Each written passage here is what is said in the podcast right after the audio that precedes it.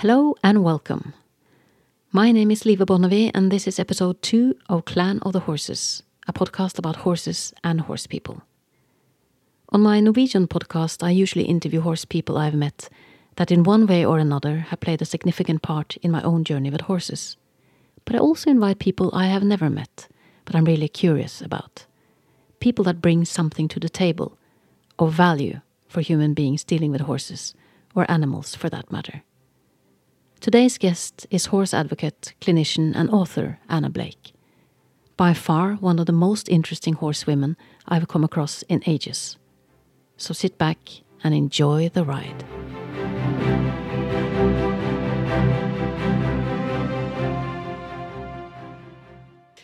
So, Anna Blake, I'm really, really proud and happy to have uh, you on my show and to talk to you about horses and your philosophy when it comes to horses. Thank you. Um, for my Norwegian audience, uh, I think there will be some of them who are not familiar with your work, so I would say something about your relaxed and forward philosophy. Um, on your webpage, you say that we train with a profound concern for the horse's mental and physical welfare. It says we listen to his calming signal to learn his perspective, and we affirm the horse's intelligence empowering him his confidence with positive energy. And last but not least, you put the horse first. And already there, I'm like, I have to talk to her. and then there are all the stories that you have on Facebook. And for my, my listeners, I'm going to put some of the links up on my webpage. When you talk about Vinny the thoroughbred, when you talk about building the bubble and how to get into the equine conversation, it's wonderful stuff. But the, but the thing that really made me think that I really have to invite this woman first was when you said or wrote on Facebook there is a shift in paradigm happening in understanding and working with animals, and women are on the cutting edge. Lead with confidence because we are right about this. And that's really kind of my starting point. Can you elaborate? Well, you know, first of all, how you can it sounds so arrogant to say we're right about this but i can tell you how to tell if you're right about it. Your horse will tell you. They're the ones that know. Uh, i think everybody says they put their horse first but that's kind of um, it, it, that's not so easy as as people make it out to be. Um, and so yeah, I want to be thinking about how the horse thinks. And we have had a, um, you know, an approach to horsemanship that has uh, been based in a belief of dominance. And I think it started because somebody, some some person, looked at a herd of horses and saw stallions fighting on the hilltop and said, wow, that's it. It's about domination. Uh, and then eventually it dawned on them that actually the mares were the ones running the herd. So then they decided uh, to make up names for mares that were, I guess, for a mixed audience, I'll say unflattering. And then somebody else looked at the herd and said, Boy, you know, they seem cooperative to me they seem like they get along. They seem like they depend on each other. They seem, eh, eh, you know, if you can watch a small group of horses standing head to tail, belly to belly, and not think that that is something special, well, then I think you're, I, I think fight with the stallions on the hilltop if you like but you know to me i believe the second paradigm. I believe it's about getting along for horses. And um and so affirmative training is very much based you know i want to say standing shoulder to shoulder with horses as opposed to face to face. And it's literally how i stand but it's also just that approach can i see it the way they see it um, and that would involve of course my ego sitting down and shutting up that would involve my uh, fairy tale fantasies about love stories with horses uh, to perhaps sit down and shut up as well.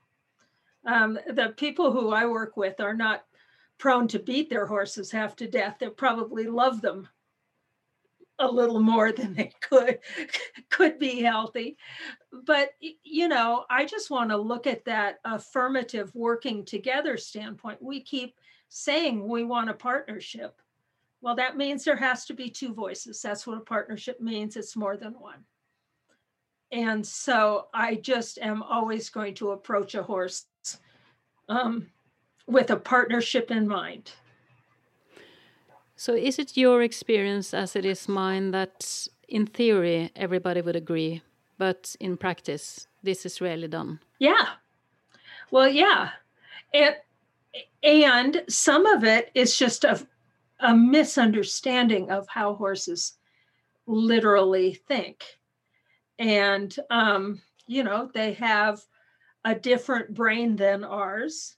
Uh, some people want to say, um, you know, that horses uh, evade work because they're lazy or they have a plan for world domination by uh, getting your breeches dirty or uh, you know that there's some huge well thought out deceit plan that horses have. And they don't that's frontal lobe stuff that's what humans do um, horses don't have the same frontal lobe. They can't respect us because they don't have that process in their brain. Um, they have a huge amygdala, and it's mainly two parts, and one is emotion and one is memory. Well, boy, that's a good combination to have right. right next to each other what could possibly go wrong there and and so we have to approach them with that understanding of how they think. And horses are flight animals, so they live constantly in the moment. Their senses are so much more astute than ours are that we might as well be blind, hairless mice. Um, the the way to communicate with a horse is to get out of our frontal lobe, which they will never share with us and to get into the moment and the actual activity of their emotions in the environment. And in that realm, we can talk all day, we can be understood, they can be understood. Um, you know, dominance by definition says, uh, I am above that, which is a frontal lobe opinion. and you know i from when i was a kid to my years competing to my years as a clinician there's really never been a time that my frontal lobe has helped me all that much when i'm standing next to a horse and so i really try to get into my senses and into the moment that the horse is in um, and in that uh, you know anything's possible then did you have like a shift in your work with horses where you went from something else and into this way of thinking? And can you remember what made you change? Or did you kind of, were you kind of one of those girls who were intact and had that innate wisdom and balance and you kept it all the way? Where, where are you in all of this? oh, God. Um, you know, I grew up on a farm and uh, we used animals hard. And my family um, was rough in many ways. And so my introduction to horses was, you, you know, pretty dominating. Um, as an adult, uh, the people who I trained with were very kind to horses. I never worked with an abusive trainer. Um, I always trained with women, but it's just a habit of mine to hire women if I can. Uh, you, know, whether it's repairing my electricity or helping me ride my horse. Um, I think the biggest change came for me when I bought my farm uh, because I had kind of, I was having a midlife crisis. Everything I could lose, I lost, you know. And so I bring two horses and two dogs to this little farm. And what I want to say is, I didn't have any problems with my horses. I wasn't looking for a different answer. I had horses that people envied. Uh, the judges' comments on my horses usually was something like happy horse. Um, I had no problems. And I moved to this isolated place, and I don't have any friends. And I have a fantasy that I'm Jane Goodall, and who doesn't want to have that fantasy? And what I noticed was that there was a huge bunch of conversation going on that I was not involved in. And I knew a lot and I was enviable. And I was knocked off my feet by um, conversations that I just was unaware of. And around that time, um, I, I had a rescue dog that was kind of complicated. And someone suggested Turid Rugaas's book on calming signals. And and it was great with the dog, but it just really related to horses. And I felt like she was talking about the things I'd been seeing for the last couple of years that was really impacting how I was training this new language that I was seeing. And then I found out the name for it later, which is usually the way I learn things kind of backwards. Um, and I wrote a blog about calming signals and um, named Turid, credited her book, said, you know, I feel like I see this with horses, and I feel like um, we are rude by those in that language. Our our approach to horses is more rude than we're aware that it is. And at this time, there was no books or you know people talking about calming signals with horses? Uh, well, no. However, it was really close. Um, you know, when my my blog went viral and um, I got an email with Turid Rugaas's name and the address line, and I was a little unnerved. And she said, Thank you. I grew up on horse farms. This is totally the language of horses. And a student of mine is writing a book on calming signals for horses. And boy, it's a book I really recommend. Um, I'm going to pronounce her name badly. Forgive me. Her name is Rachel Draaisma, I think. And yeah, and she's written a book on equine calming signals that I think is really valuable and then um, I've been writing about it on my blog uh, since uh, for six years now. And and I guess the other thing that I want to say is, um, you know, more and more scientists are coming up uh, with research that is based on using human um, brain scanning equipment like MRIs and things like that. And we're discovering more about how all animals think. And in 2012, before Turid's book came out, uh, there was a Cambridge Declaration of Consciousness, and it was signed by a bunch of scientists and Stephen Hawking and a bunch of uh, notable people who said that animals have consciousness. Hmm. And you know, for those of us who and have feelings horses, also, as it turns out. oh, emotions, yeah, emotions. And the quote is not unlike our own. Similar, different, similar, different. But um, you know, I think it's really important to say that because uh, the brutality that went on on my farm, my my family farm growing up, was certainly not out of any standard behavior at all. Um, and, y- you know, in that paradigm, a horse is a beast of burden.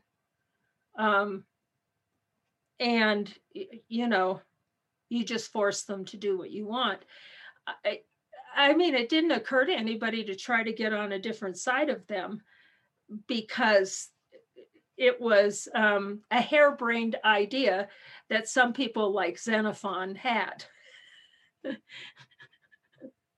Um, you know i think both schools of training have always existed.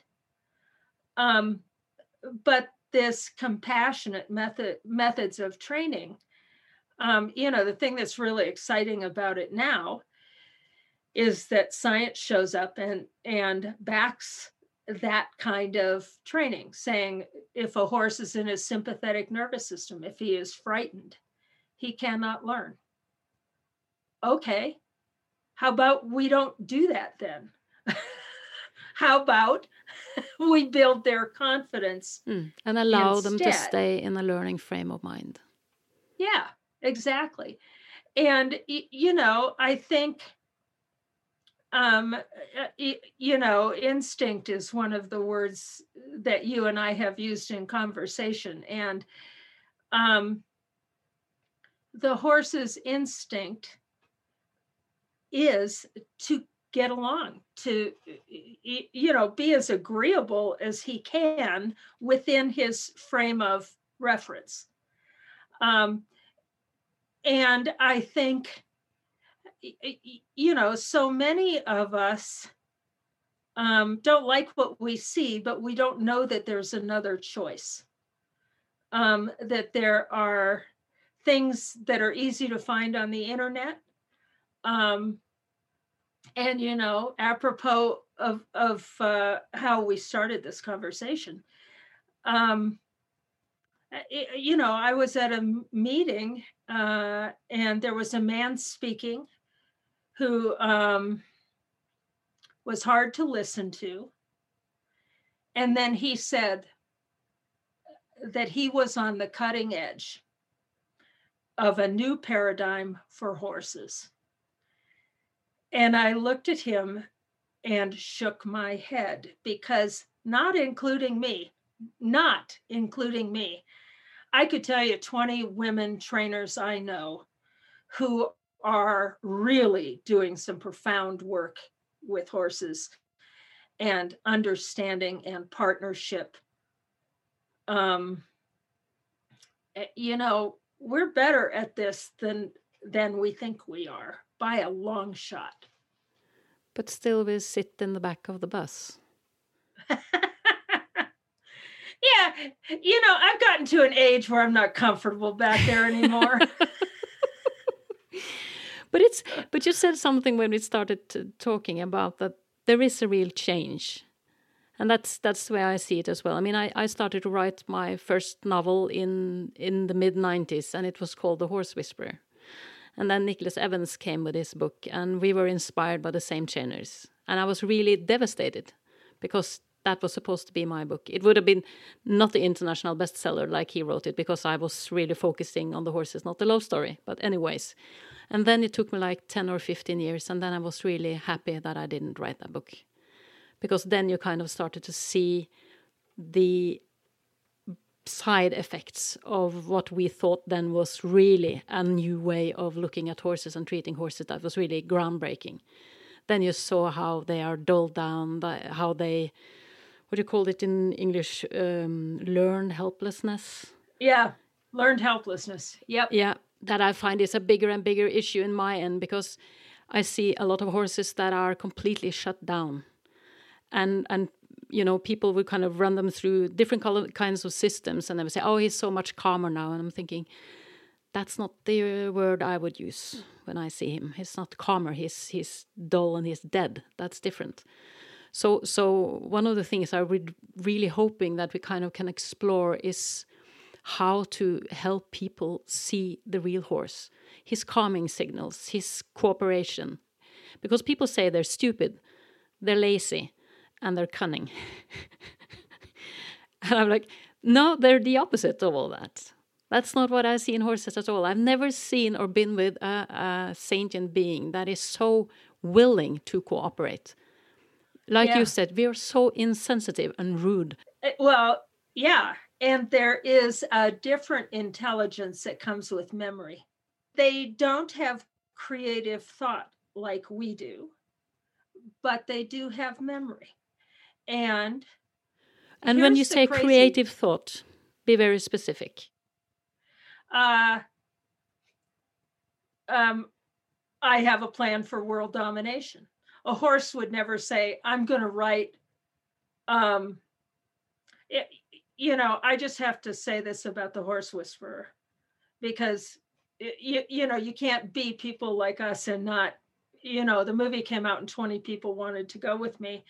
And I'm glad you didn't write it. It was a chick flick. It wasn't about horse training. And and as usual, never... and as usual, at least in the film, the horse would pay the ultimate price to fix the problem. The girl is traumatized, but the horse is the one who's going to be brought to the ground. And I'm thinking, what the? Well, I got to tell you, as somebody who actually does rehab horses in that situation, they will never make a movie about it because it will it'll be like an 80 hour long mini series of watching paint dry that's what it will look like because yeah because a horse that is really broken um you know it's not going to turn around in the span of a book or a movie and be interesting uh, for people to watch and i I laugh about this. I do because of COVID, I've started teaching online, and my clients, uh, students, uh, bring a video every week. And watching these video videos, I mean, we laugh our heads off at how um, spellbindingly dull they would look to anybody but us. But you know, here's the deal about um, a horse that shut down. Um, first off, all horses are a little stoic, and they do that for their personal safety. You don't want to be the one in the herd that limps. You don't want to be the one in the herd uh, that looks weak. And so horses are never incredibly forthright about how they feel. And then beyond that, uh, some horses will kind of get reactive and some will get quiet. And yeah, we have perceived those quiet ones as well behaved some of the time. But I got to tell you, a stoic horse is much more challenging in my mind to work with than a reactive horse. Reactive horses are, are, are kind of telling you everything they think and they're wearing their heart on their sleeve and they're really easy to get in a conversation with, and you can breathe your way out of it with them pretty easily. The Stoic horses, you know, um, we tend to, in the silence of being with a Stoic horse, humans don't like silence. And so we tend to make up stories in the silence. And that's the challenge. You've got to be quiet a really long time before a Stoic horse will speak up. And so some of those videos in class are like, you know, we see an eye blink and the group in the Zoom meeting cheers, you know. yeah, but I but, recognize this with the friends that I have in Norway. You know, well, I've, I've been sitting yeah. ringside and watching different trainers, and we're we're really mesmerized by what we're watching. And and for you know two or three people next to us, it's like watching, like you said, paint dry. And I think maybe that yeah. is some of the challenges about female trainers opposed to male trainers, that it is a silent, soft-spoken language, and it isn't, you know, flags and necessarily yeah. a lot of circus, but it is it's it's calm and down to earth and and real in a way. But it's um, it's not really crowd pleasing. one of my friends says that the problem with how I train is that it's nebulous. Oh, can you give me an?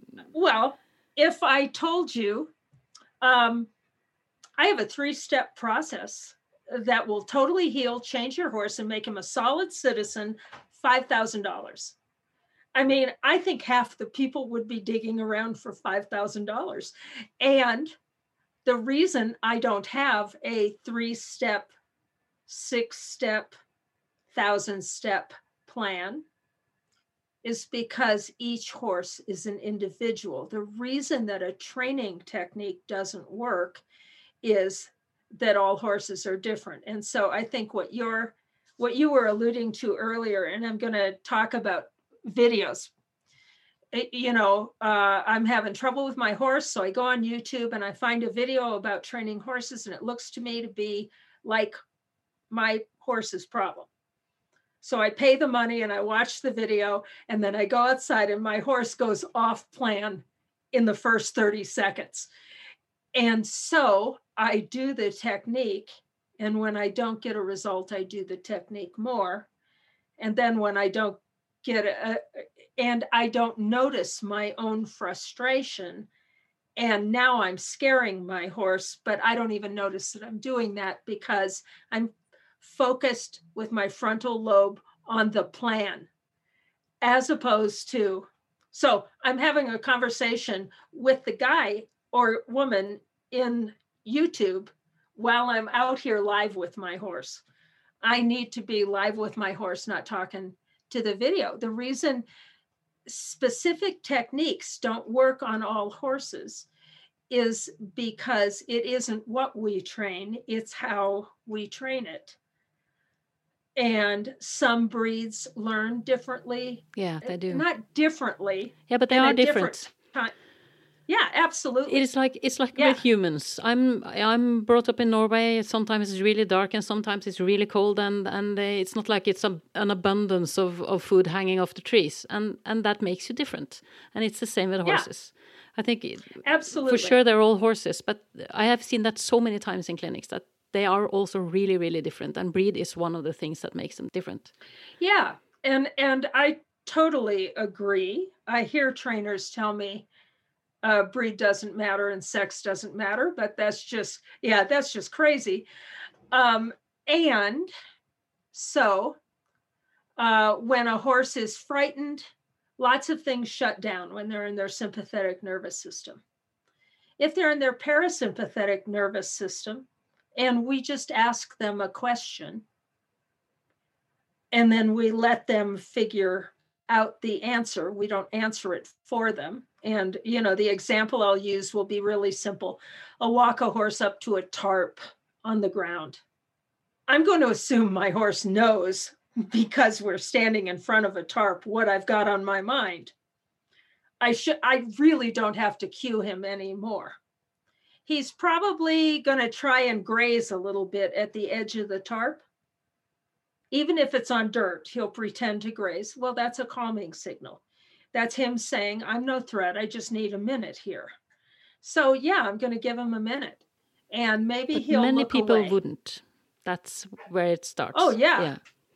Well, yeah, but the bliss of calming signals is instead of having a conversation with myself about how much I want my horse to show off and get on this tarp faster than anybody else's horse, frontal lobe garbage, I'm actually living the dream I had as a little girl.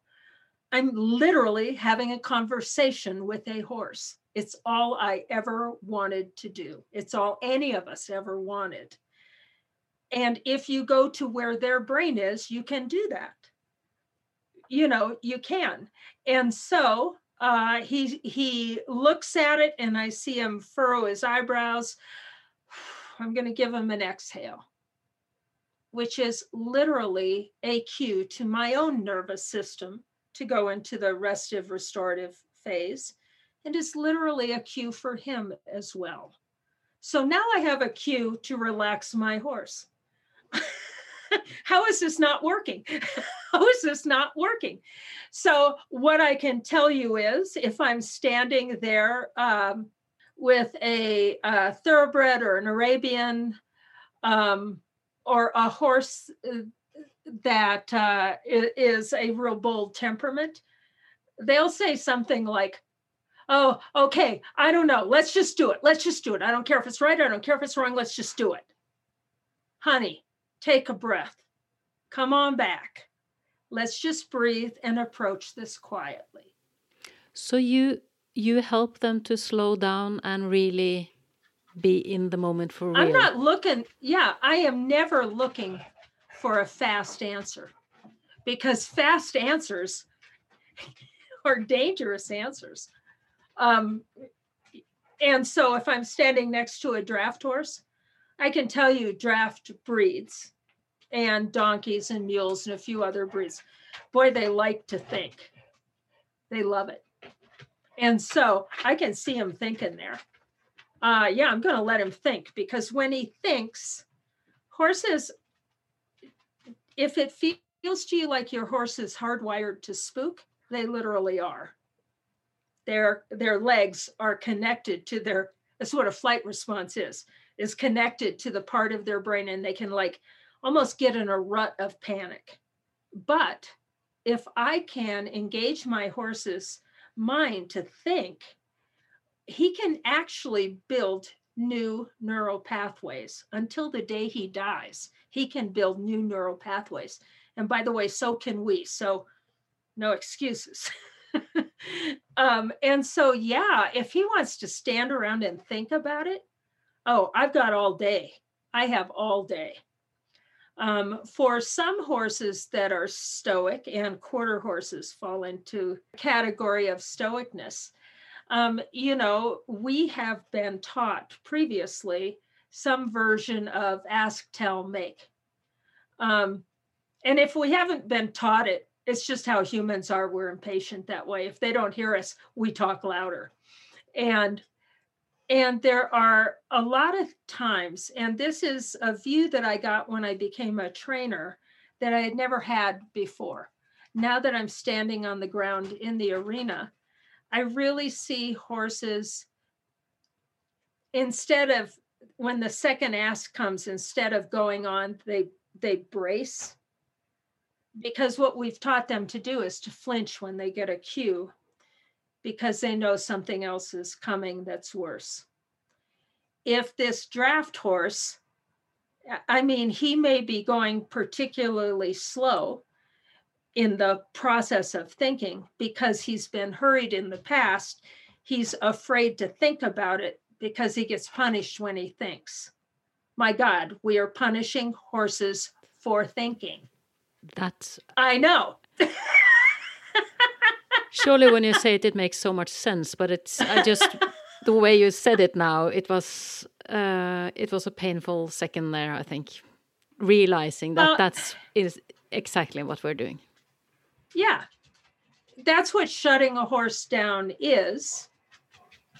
When people say left brain and right brain with horses.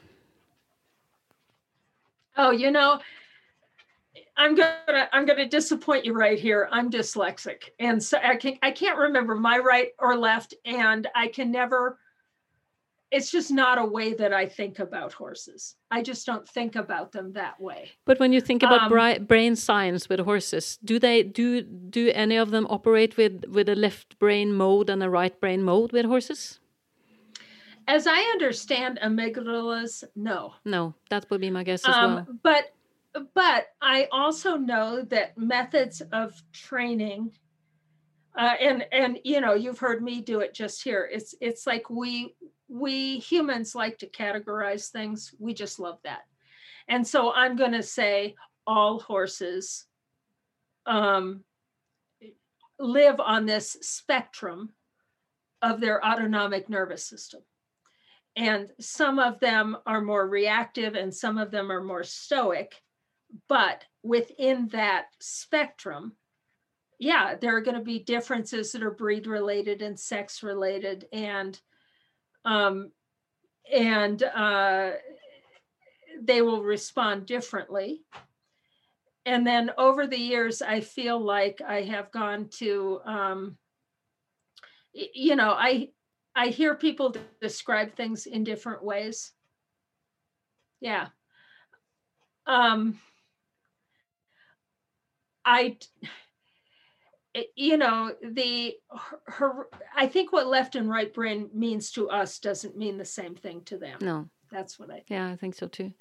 And um, when we talk about the horses being on this spectrum, with Teen Stoic and and yeah. Um, can we? Um, do do you think that in a group of horses that they have different roles, like like people have? Um, that kind of uh, they all serve a purpose within the herd. Do you know what I mean? Yeah. Because it's yeah, and yeah. And you know, the first thing I'm going to say is we have to get over thinking that the horse with the most anxiety is the alpha horse. the alpha horse, you don't usually figure that out until they die and the herd comes apart. The alpha horse is some quiet horse that doesn't look uh special. That's my experience as well. Now, for that I have a young mare and um I love her. And her leadership style is to flag her tail, gallop around, and scream, Oh my God, we're all going to die at the top of her lungs. And the geldings have not bought on yet. She's she's not young, she's 11. Um, it's just the way she does it. And yeah, I think she serves a purpose in the herd, even at that. I think that uh, you know people want so much to say my uh, to talk about this ladder and horses uh, have much more nuance than that but i think it's with and, the, it's like with the stallion on top of the mountain it's very easy for us yeah. to see that part of the conversation and then we kind of and, tend to think that that's it and then we fail to we see want to categorize it. that yeah yeah and it changes every year. I mean, you know, the problem with saying your horse always does something is that he doesn't. You know, and that's when you're caught off guard. You'd be smarter um, to look at your horse with brand new eyes every single day. Um, you know, that's what living with horses is about. It's about the big what if, you know, the big who are you today? I I have to say that I feel blessed to have spent so many years with horses just because that quality. Because when I have to meet them where they are today, then I'll also have to be in the present myself. Yeah, and I think for me, um, these I'm so lucky. I'm just going to brag because I'm just so lucky.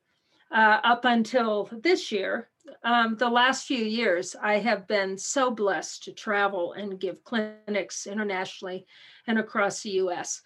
And so, what it means to be a horse trainer for most of us is we get to work with 20 horses at a time, or maybe 25, and they come and go. And um, and all trainers, hopefully, learn from the horses they work with. Our continuing education is that we get offered a horse to work with that has a, a, a challenge that we haven't had faced before.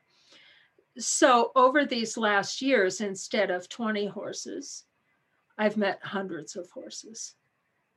And they are each brand new because that is the job of a clinician is to be brand new eight rides a day um, to be brand new no matter where you're at and for me it's it's just been this opportunity of learning that i could have never had any other way I, you know how else can you get to be around that many different horses in different environments and um, not only is it a wonderful thing to get to stand shoulder to shoulder with breeds of horses that don't exist in the united states but you know it's just such an incredible treat um, to be able to have such a large group to learn from. Do you have any particular horses from your um, years as a trainer that really kind of are etched into your memory forever? Oh, God. I have a traveling herd. Some of many of them are dead now, and that just means that they travel easier with me. Um, sometimes I visualize like me in the arena with a rider, a horse and rider, and then the arena with like 200 horses around it. I mean, I have just met so many incredibly special horses and horses who, um, you, you know, just had a lot that they wanted to say. Um, some that were shy about saying it. Um, I've had that experience. It, you know, it's like if you can't fall in love with horses again every day, don't have my job. But you know, there'll be a moment every, you know, not uncommonly, when a horse will offer me something that is dear. And you know, especially I've worked a lot with rescue horses and rehabbing horses, and you know, their resilience just makes me feel um, humble and besotted. And um, and you know this is about the worst thing i'll say about horses. They really don't like us that close to them. They can't see us. They like us a little farther away. And you know i will just be exploding with love and i will do the reasonable thing. I will put the horse first and that means that i shut up and stand back and listen to them a little teary eyed. you know, um, I, I, think one of my big surprises uh, in turning professional back when I did was a slow awareness that not all trainers loved horses. Um, the people I worked with did. And I just thought we were all that way. And, um, you know, it's a good question to ask your trainer do you love horses? Yeah, or are you passionate about horses? Hmm. Yeah. You also talk about riding as an art form. It, Saying that riding well, yeah. is an art. Well, yeah, and you know, Xenophon would tell you that. I, I'm not the first person to have said it, but you know, but you know i don't think that we talk about the creative aspect of it enough. Um, whether you um, have an elder horse on the ground or uh, you're riding it is an art. Communication is an art writing is an art and riding is an art. And then there's just this one other thing and you know this is how I, I, can i just say i hate science? And i always have. I i am i was a professional artist before i was a horse trainer. The idea of me chirping in all the time about science is just appalling to me. But let me do it one more time. Please. Horses are uh, the yin and yang symbol of horses is half science and half art. It is creativity um, and understanding. And so we have horses that seem as if they're hardwired to spook. We have horses that seem to be happy uh, to perform. And I think genu- genuinely are. Um, for that horse who has been frightened so much that he's just hardwired to spook, yeah, he can build new neural pathways, new dendrites in his brain. What is the activity in the physical world that creates that in his brain? Curiosity. That's creativity. So when my horse gets to the tarp, I want him curious about it. He's not going to be curious about it if I'm banging a rope on his butt. He's not going to be curious about it if I'm, you know, incessantly clucking. Um, I am searching for the art in how I can. Uh, one of the clinics I teach is called Dressage Rhymes with Massage. I am curious in the saddle you know, I mean, really, what is in it for them to carry m- me around?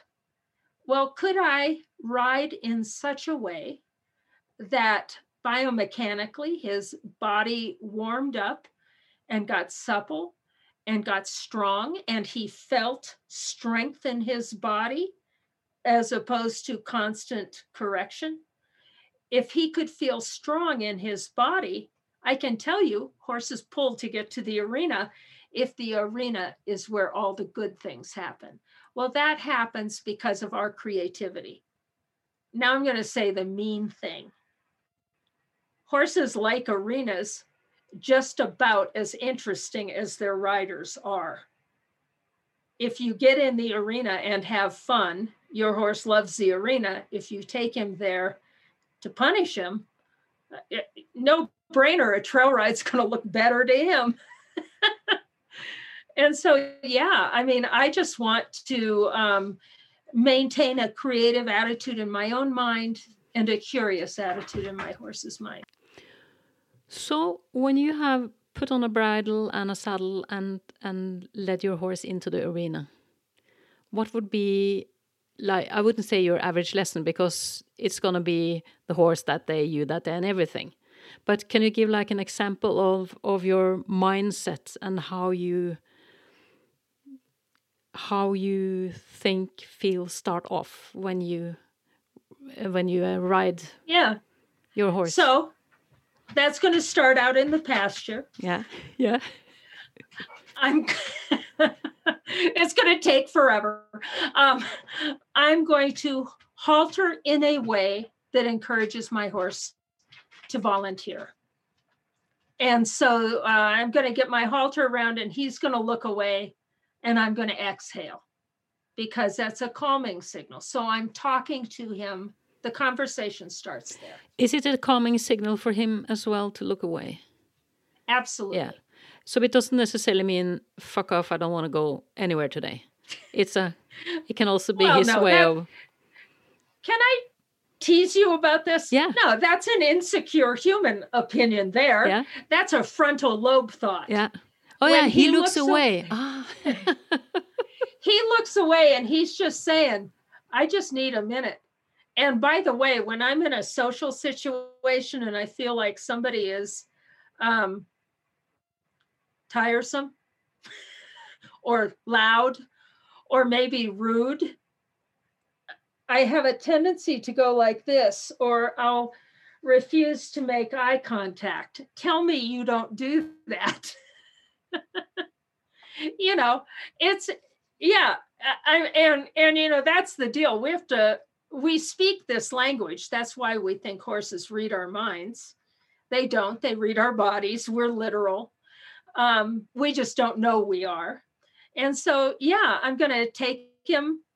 You know, it's going to be really pleasant to tack up. Um, I'm going to go to the arena and I'll probably begin by leading him from behind. And this is, a, you know, a lot of trainers do this in different ways. I'm really committed to it because it uh, it's asking my horse instead of me saying, you know, I'm really smart.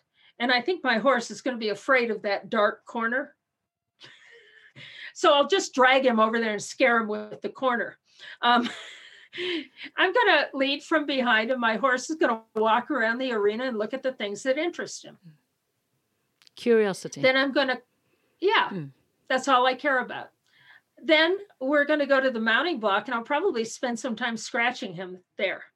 Uh, for my personal horses, y- you know, the mounting block is our happy place. Um, I'll start with a yearling, start teaching them to stand next to the mounting block by creating the idea for them that perhaps a human standing on a mounting block can scratch in places that other humans on the ground cannot. And uh, the mounting block just becomes the best place. Um, I'm going to take the first walk my horse gives me, and I'm going to say, Good, excellent, perfect. I'm going to ride for 20 minutes on a neck ring. I'm not going to touch his face for 20 minutes period. I'm going to warm up his top line. Then I'm going to warm up his ribs. Then I'm going to ask his shoulders to warm up. For 20 minutes, we are going to feel good. And then I might train something for a few minutes, but if he does it well, we quit. If he he I the repetition thing, that's what us humans need. Um, they don't. So I'm never going to drill him. If he gets it right, I'm off. And then at the end of a lesson, I give the horse the last word. So, yeah, in that expensive lesson you're paying for with me at a clinic, I'm going to pull your, you off your horse 10 minutes early. I'm going to ask you to step back, and I'm going to step back 10 feet at least. And I'm just going to see what the horse has to say. Give me an example of things that horses have said at this precise moment. Um, the first time I, how I started doing this, I had a client who um, I felt like she was not very aware of her space around her horse. And I was afraid she was getting complacent and that she might get hurt. So I wanted to have a talk about groundwork. And so then after that, she and I are talking, and her horse is this older thoroughbred, and he is a saint. He's a really good horse. And he kind of wraps his head around her leg. And she thinks he's hugging her. And she says, because I am known as a loudmouth party pooper, she says, I suppose you don't like this either. And I said, Well, let's ask him. It's a, why wouldn't we? So she stepped away and he started yawning. And he yawned like 15 or 20 times. It was it was as if he was mocking us. He was yawning so much. And that surprised me. I did not expect that answer. So then I just started doing research. Uh, the longest wait for a calming signal. This shouldn't surprise anybody. It was a Percheron mare. And it took her 30 minutes to blink an eye. And we said, Good girl, good. And the next lesson, it took her um, about 10 minutes.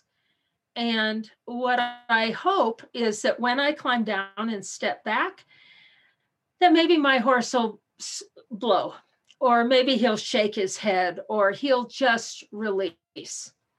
And then in my fantasy, I hope to ride a horse and create so little anxiety that when I climb off, he doesn't need to give a calming signal. Mm.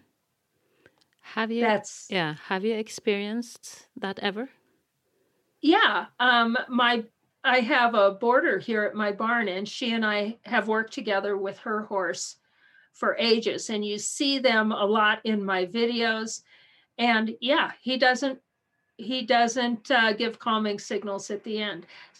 A stoic horse, um, maybe you'll look at a stoic horse and you'll see the whiskers on his bottom jaw just vibrate a little bit, a tiny bit. So you're going to exhale and say, Good boy.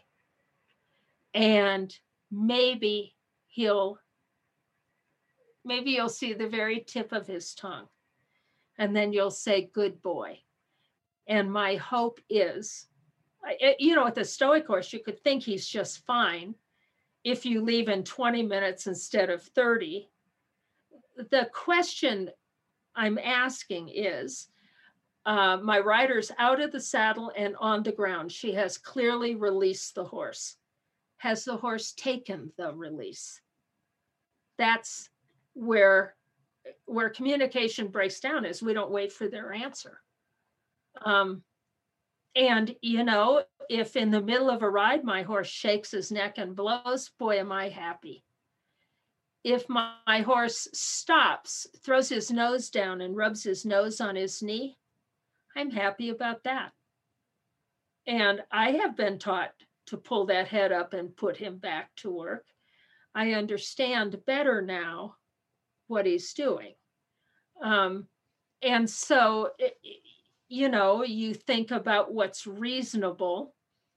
Uh, a lot of people climb on a horse, put them to work before they're warmed up. They're not capable of doing the work. They're unhappy about the work. And then, by the way, we can't hold a thought that long either So, dressage tests, they run less than 10 minutes, usually five to eight minutes. That's about how long a human can hold a focus. Why would we think um, in a ride that we should do it longer than that? The tr- training has two meanings. One is, can I teach a horse to do a shoulder in? And one is, can I train to make my horse stronger? And 75% of the ride should be strength. Um, training movements is a small part. Yeah. This resonates a lot with me, I think. Yeah. Because it's I have I have um people around me that have given up riding because they think it's uh, either because they think it's cruel or because they think it's unnecessary uh, or because they think of it as forced exercise. And although I kind of follow that idea to an extent, uh, I can't really um, disregard the fact that the horse is also telling me something else. And that is that when I help him to feel good and strong in his body, he loves it. Yeah. And you know that old phrase, thrown out the baby with the bathwater? If you don't like the way people train their horses, then train yours differently. And then let me tell you how the horse world is changing. It's not me, it's people who affirmatively train their horse in their neighborhood. And then other people, you, know, we have a tendency to think that people watching us are being critical um, that's just our own insecurity, but I think most women feel that way. And I think the truth is they're saying, what the hell is she doing? And why is she getting such good results doing so little? Um, why is she breathing with her horse? I'll get her a whip. And then by the time they get back with the whip, the horse is in the trailer. Um, you know, I understand that whole theory. In effect, we should return horses to the wild. I used to say about mine, he would survive in the wild about as long as a poodle, which I recognize as bad mouthing poodles, and I apologize for that. But, you know, how about instead of looking at the worst case scenario, how about we up our game? How about we learn a new language? How about we stop with the frontal lobe chatter in our own head and in other heads and actually get into a relationship that will help a horse? Um,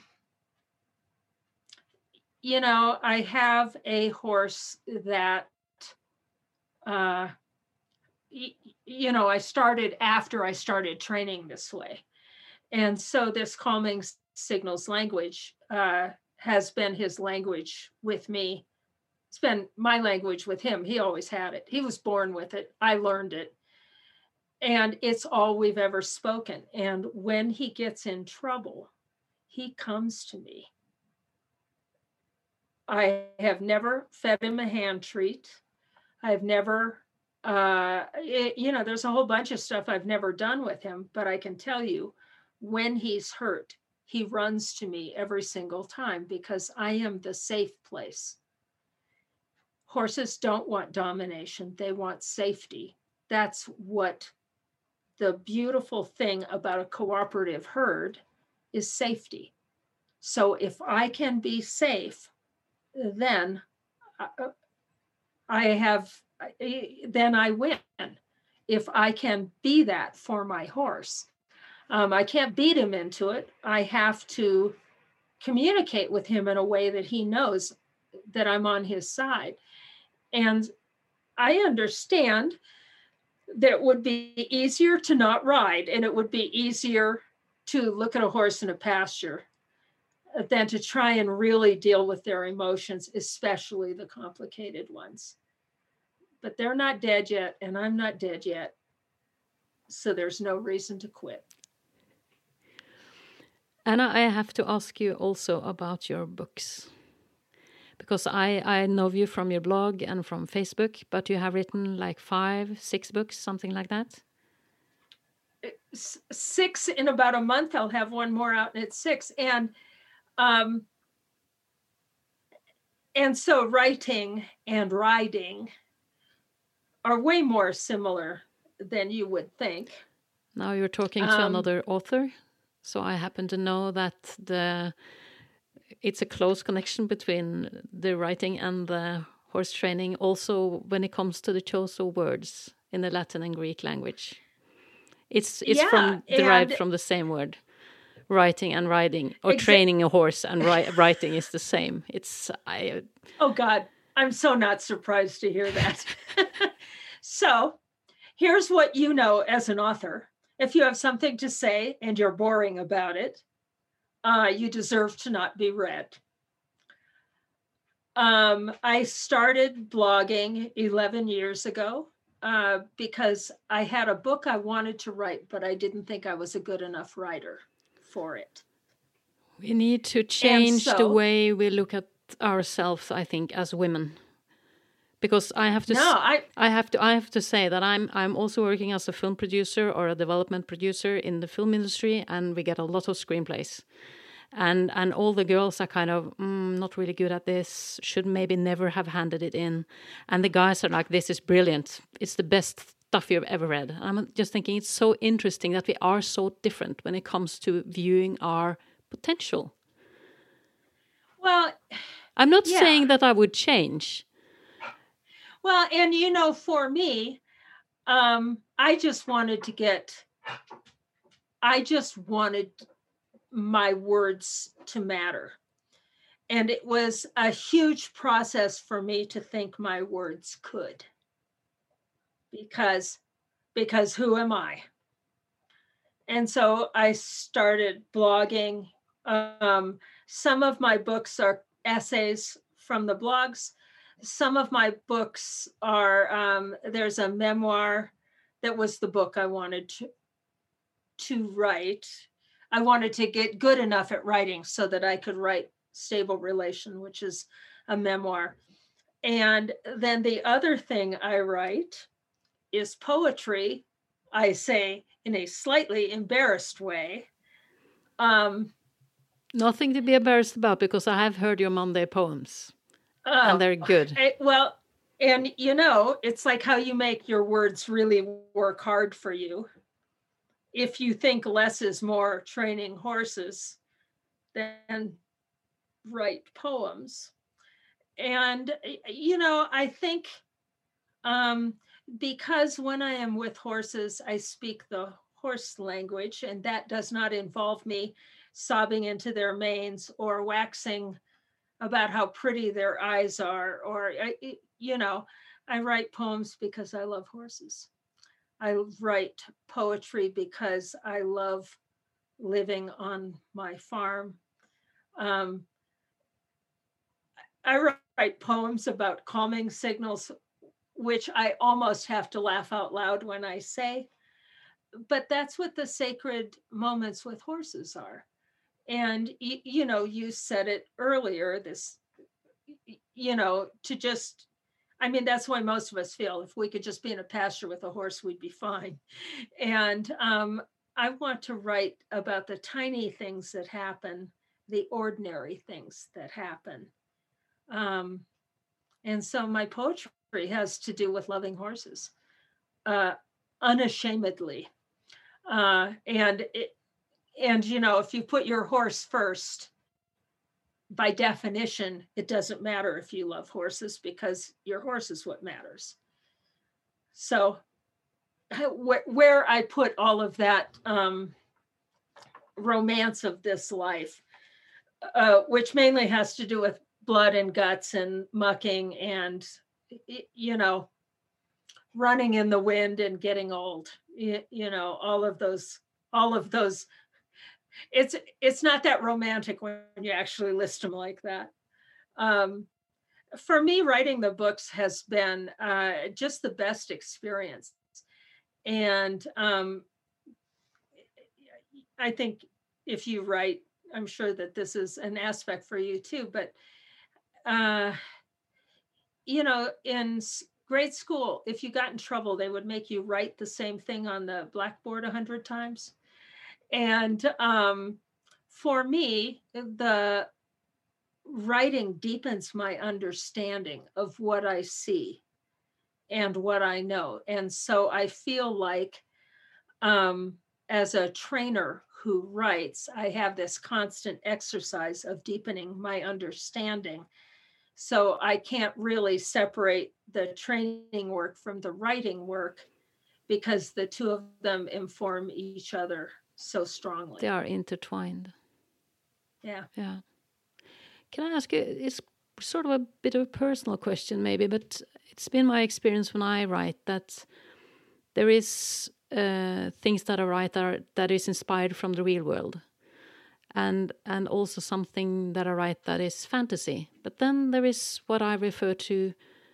Another author gave me that keyword as the third place. It's that I write something that I learn when I write it. I didn't know before. Have you had that experience with your writing? Yeah. And, you know, I want to say sometimes it's been as silly as a typo. I will type the wrong, you know, my fingers will type the wrong word and I'll look at it and think, oh, that's the right word. that's what that's what I meant. And so yeah, I mean, I don't think I get mystic messages, but again, this process of learning is not a straight line. Um, it's a spherical event. And I'm going to hope that it happens every day in different ways. And then if I can see it in this donkey, can I see it in that mare? And if I can see it in that mare, can I see it in this foal? Um, can I look at this beat up old rescue horse who's terrified to have anything around his head? And can I see him as he was as a yearling? And then can I just hold that vision of him until he can remember it? And on one level, that sounds like a fantasy but I tell you, if you are talking in calming signals with a horse, the biggest reason to say yes or good boy is to remind him who he is and who he was. And that's what a shutdown horse forgets is who he was born to be. Um, so, yeah, I think that all of these, at least in my mind, all of these things flow together so much that I I can't draw lines no too easily. Neither can I. Anna, it's been a wonderful experience to talk to you. It has been. I expected it to be, to be honest. And what I really want to thank you about is because I've had some episodes in my Norwegian version of the podcast where I talk about the importance of taking notice of the little things and you presented some of the smaller things that I haven't seen, but I can see them when you're talking about them. So I also want to thank you for broaden my horizon. Thank you. That's what you know, I get so enthusiastic about calming signals because this is what calming signals are about is you know if uh, your eyebrows change and your eyes change, I know something's going on. Well, that kind of, you talked about what it's like to become older. And then I want to also check out something else with you because when you have spent decades reading horses and you have grown to become an experienced and older, wiser woman, as we all do at some point, uh, most of us anyway have you experienced that? Um, um, oh, I kind of lost the thread for some reason. That you. I think I know the answer. Without having the question. Wonderful. Please. Well, we all have this question. I think um, we get, we women get to a certain age and we say, not as good as I used to be, not as athletic as I used to be. I can't ride as well as I used to. And I got to tell you, I think, uh, just speaking for myself, lacking hormones is a real advantage in working with horses. I think postmenopausal women do a great job with horses. No, we're not as courageous as we used to be. And estrogen is the courage hormone. You bet. We are short that. But we have years of experience. We have compassion. We are less worried about what people think and more willing to walk our own path. I think that we have a capability and understanding of horses at this age that we were nowhere near when we were younger. And if I am supposed to like somebody who knows how to stay on a terrified horse, that doesn't get a lot of respect from me. Um, I have a lot of respect for patience and letting less be more, and a myriad of skills that women have that draws horses to us. Um, sometimes we get hung up listening to trainers, uh, and sometimes it can be hard uh, to march to your own drummer but I see it more and more and more. And um, I think, uh, you know, I'm not bragging about being old. I'm just saying horses like me this way. so much more than when I was younger. That's all I can say. And, you know, I see that skill more and more and more. Um, the question is our own self esteem and confidence. And that can be hard to get a hold of at this age if you listen to your culture. If you listen to your horse, it's real easy. I um, um, I remember my question now. Have you experienced that reading horses have made you more capable of reading humans? Oh, yes. Yeah, and there's a really simple reason. I think most horse people are introverts, and most of us would rather be with animals than people. Are you one of those people, I'm, Anna? Oh, oh God, yes. You're introvert. It, eh, oh yes. You look. you could have fooled me. I have something I want to be heard about horses because horses have given this me I so recognize. Much. Yeah. And when I am done here, I will run in the other room. I will most likely get a glass of wine. I will, you know, I might have to go in the barn for a while. Um, I think most of us are introverts. And um, so you can speak never, up for the horse, but not necessarily for yourself, if you know what I mean. Well, I, and I think some of us are that way but you know more than that for me it's you know i wouldn't try with people. The only thing i would try for to change myself are you kidding? I'm not all that easy to get along with and i don't really i'm not what you would call a people pleaser but i have this attachment to horses.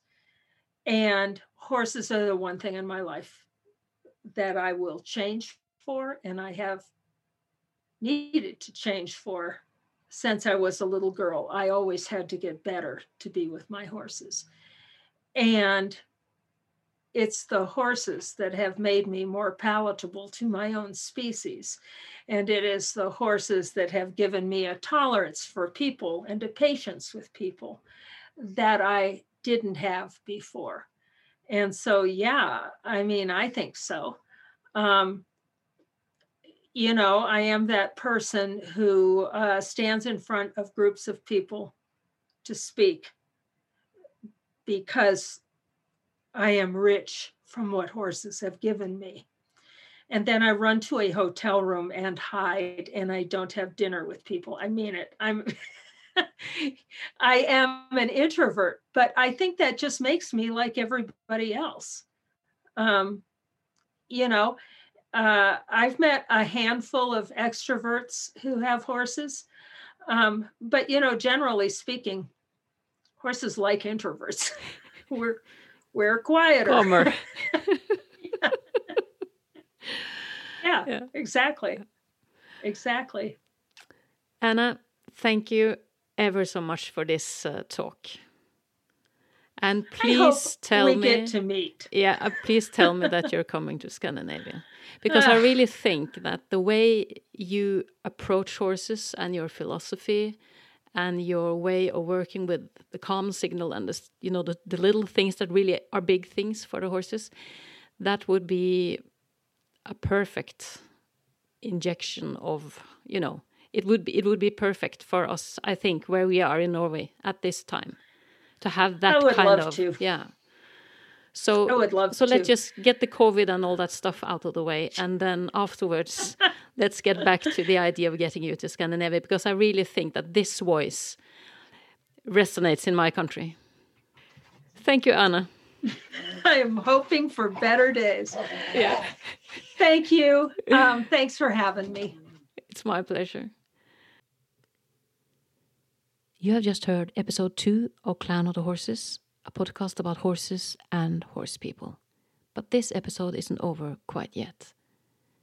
The interview with Anna Blake took place at 3 a.m. in the morning because of the time difference in Norway and Colorado.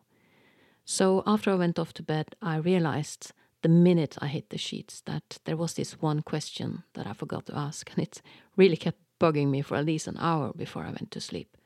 So the next morning, I wrote Anna an email, and I wrote my question in that email. It said, How do you distinguish between the horse saying wait by using his calming signals and the horse saying no? And Anna answered immediately, and this is what she wrote back. It is almost always that they need a moment. It takes a severely damaged horse to say no and they are usually the ones trying hardest to be resilient, to lay down their fears because they want to feel safe. It takes time for a horse in that situation, but patience is a virtue. And until I get a hard no, I stay in the conversation. And she added, I don't ask a question that I get a hard no on. I know he wants to get along, so I stay polite and take time. If the human doesn't pick a fight, there is no fight. Now the only thing remaining is thanking my composer, Fredrik Blom, thanking Anna Blake for being a guest, and last but not least, I want to thank you, dear listener, for your patience. May the horse be forever with you.